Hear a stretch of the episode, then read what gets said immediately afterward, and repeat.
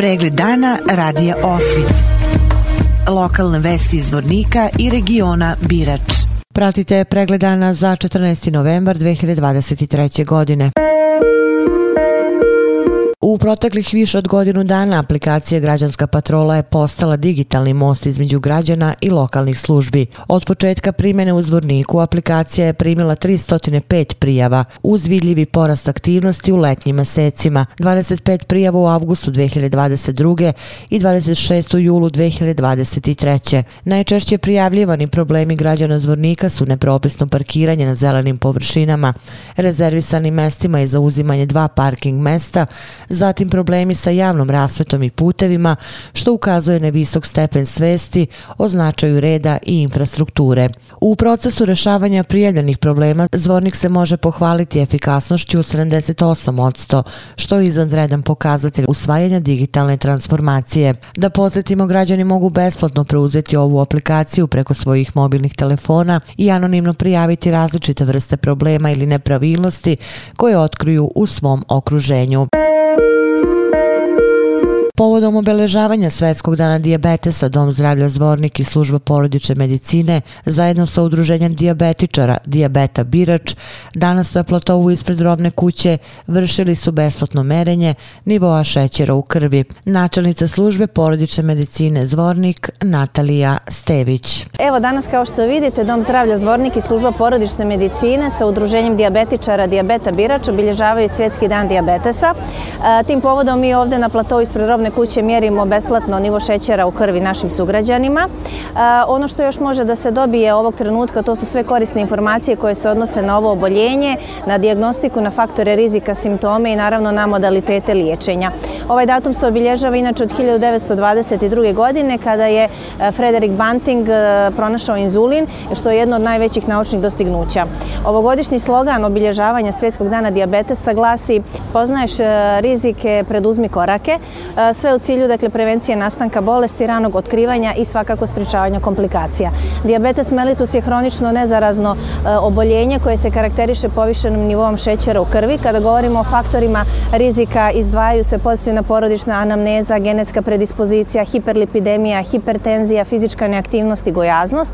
A što se tiče simptoma su voća usta, učestalo mokrenje, nagli gubitak tjelesne težine, česte infekcije, umor i iscrpljenost. E, svakako ono što je važno jeste da mi danas našim sugrađanima besplatno mjerimo nivo šećera u krvi kako bi podigli svijesti i ukazali na značaj nastanka ove bolesti jer neliječeni i nediagnostifikovani diabetes može da izazove teške komplikacije kao što su hronične rane, amputacije ekstremiteta, oštećenje kardiovaskularnog sistema, e, slijepilo i oštećenje bubrega. E, tako da mi inače kao Dom zdravlja e, Zvornik smo od e, sinoć postavili plave lampice upravo da govorimo o ovoj simbolici i danas svi zainteresovani sugrađani mogu da se slikaju sa nama ovde pored plavog kruga koji je također jedan od simbola e, ove bolesti. Nadam se i vjerujem da će ova aktivnost da koristi našim sugrađanima i da ćemo sve imati e, manje oboljelih od ove bolesti. Članica udruženja dijabeta Birač Ksenija Cvijanović rekla je da boli od dijabetesa punih 46 godina i da ima utisak da se o dijabetesu samo govori na taj dan,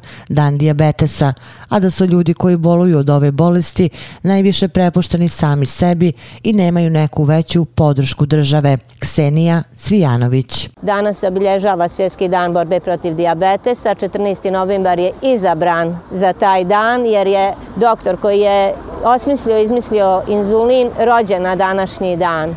Koliko članova imamo u udruženju mi tačno ne znamo jer nažalost nemamo svoju kancelariju da bismo mogli da vodimo pravilnu evidenciju. Život sa diabetesom danas može biti mnogo bolji, i mnogo lakši, ali zato nam je potrebna jedna još veća saradnja nego trenutno koju imamo. Plavi krug koji je simbol jedinstva u borbi protiv diabetes mellitusa bio je prisutan na platovu ispred robne kuće i sugrađani su bili u prilici da se slikaju kako bi doprineli simbolici borbe protiv ovog obolenja. Ovaj datum se inače obeležava od 1922. godine kada je Frederick Bantington otkrio inzulin što je jedno od najvećih naučnih dostignuća. Nastavak pripremnog ročišta po tužbi Branka Jolovića oslobođenog optužbi za zločin počinjen u mestu Zaklopača kod Milića u maju 1992. godine protiv Bosne i Hercegovine ponovo je odgođen na zahtev državnog pravobraniloštva jer im treba još vremena za okončanje sporazuma. Da podsjetimo, Jolović je krajem prošle godine sa Radomirom Pantićem, Nenadom Vukotićem, Milomirom Miloševićem i Nikolom Lošićem pravosnažno oslobođeno optužbi za ubistva najmanje 57 bošnjaških civila u selu Zaklopača kod Milića. Pantić je bio optužen u svojstvu komandira stanice javne bezbednosti Milići, Milošević kao aktivni policajac, a ostali kao pripadnici vojske Republike Srpske. Povodom obeležavanja krsne slave Ministarstva unutrašnjih poslova Republike Srpske 21. novembar, Aranđelovdan, 33 pripadnika policijske uprave Zvornik će od 14. do 16. novembra dobrovoljno darivati krv u službi za transfuziju krvi bolnice Zvornik. Ova akcija ima tradicionalni karakter i svake godine se prijavi veliki broj pripadnika policije koji na ovaj način žele da pokažu humanost policijske profesije i spremnost da pruže pomoć onima kojima je najpotrebnija, navode iz policije policijske uprave Zvornik. Učenici Tehničko-školskog centra Zvornik u Karakaju posljednji dan projekta nedelje predstavili su projekte na kojima su radili, a stručni žiri sastavljen od predsjednika aktiva pedagoško-psihološke službe i uprave škole doneo odluku o najboljima. Specijalno priznanje za izuzetno zalaganje osvojio je projekat sportska takmičenja. Najbolje tehničko rešenje, projekat izrada kviza iz elektrostatike u programskom jeziku S. Priznanje za najveći doprinos u promociji škole u okviru projekat sedmice osvojio je romantizam u očima Puškina, a nagrada za projekat koji ima najveću primenljivost je izrada automehaničarskog stola.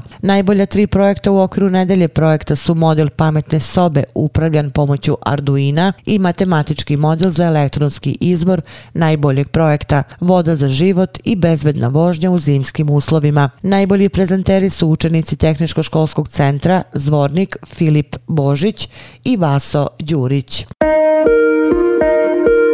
Svetosopska omladinska zajednica iz Vornika i crkvena opština Zvornik Stari grad pod okriljem dobrotvorne organizacije Troje Ručica pokrenule su humanitarnu akciju za kupovinu ogreva ugroženim porodicama, starim, bolesnim i iznemoglim licima. Pozivamo sve da se uključe u ovu plemenitu akciju, da svi damo onoliko koliko možemo, jer ako svi damo pomalo, bit će dovoljno. Stoji u objavi na Facebook stranici Pravoslavna crkva u Zvorniku. Svi koji žele i mogu da pomognu ovu akciju svoj prilog mogu ostaviti u prodavnici crkvenih sveća i suvenira kod stare zvorničke crkve sa naznakom za ogreb. Vesti iz Loznice. Novo takmičenje koje organizuje Boksarski savez Srbije startuje ovog vikenda. Boksarska liga Srbije imaće osam klubova, a to su Loznica, Rokica iz Loznice, Najsus i Vitez iz Niša, Radnički iz Beograda, Novi Pazar, Sombor i Slavija iz Banja Luke. Loznica će u nedelju u hali Lagator ukrstiti rukavice sa starim rivalom, Radničkim. Opširni na sajtu lozničkenovosti.com. Pratili ste pregled dana za 14. novembar 2023. godine. Hvala na pažnje. Pregled dana radija Osvit. Lokalne vesti iz Vornika i regiona Birač.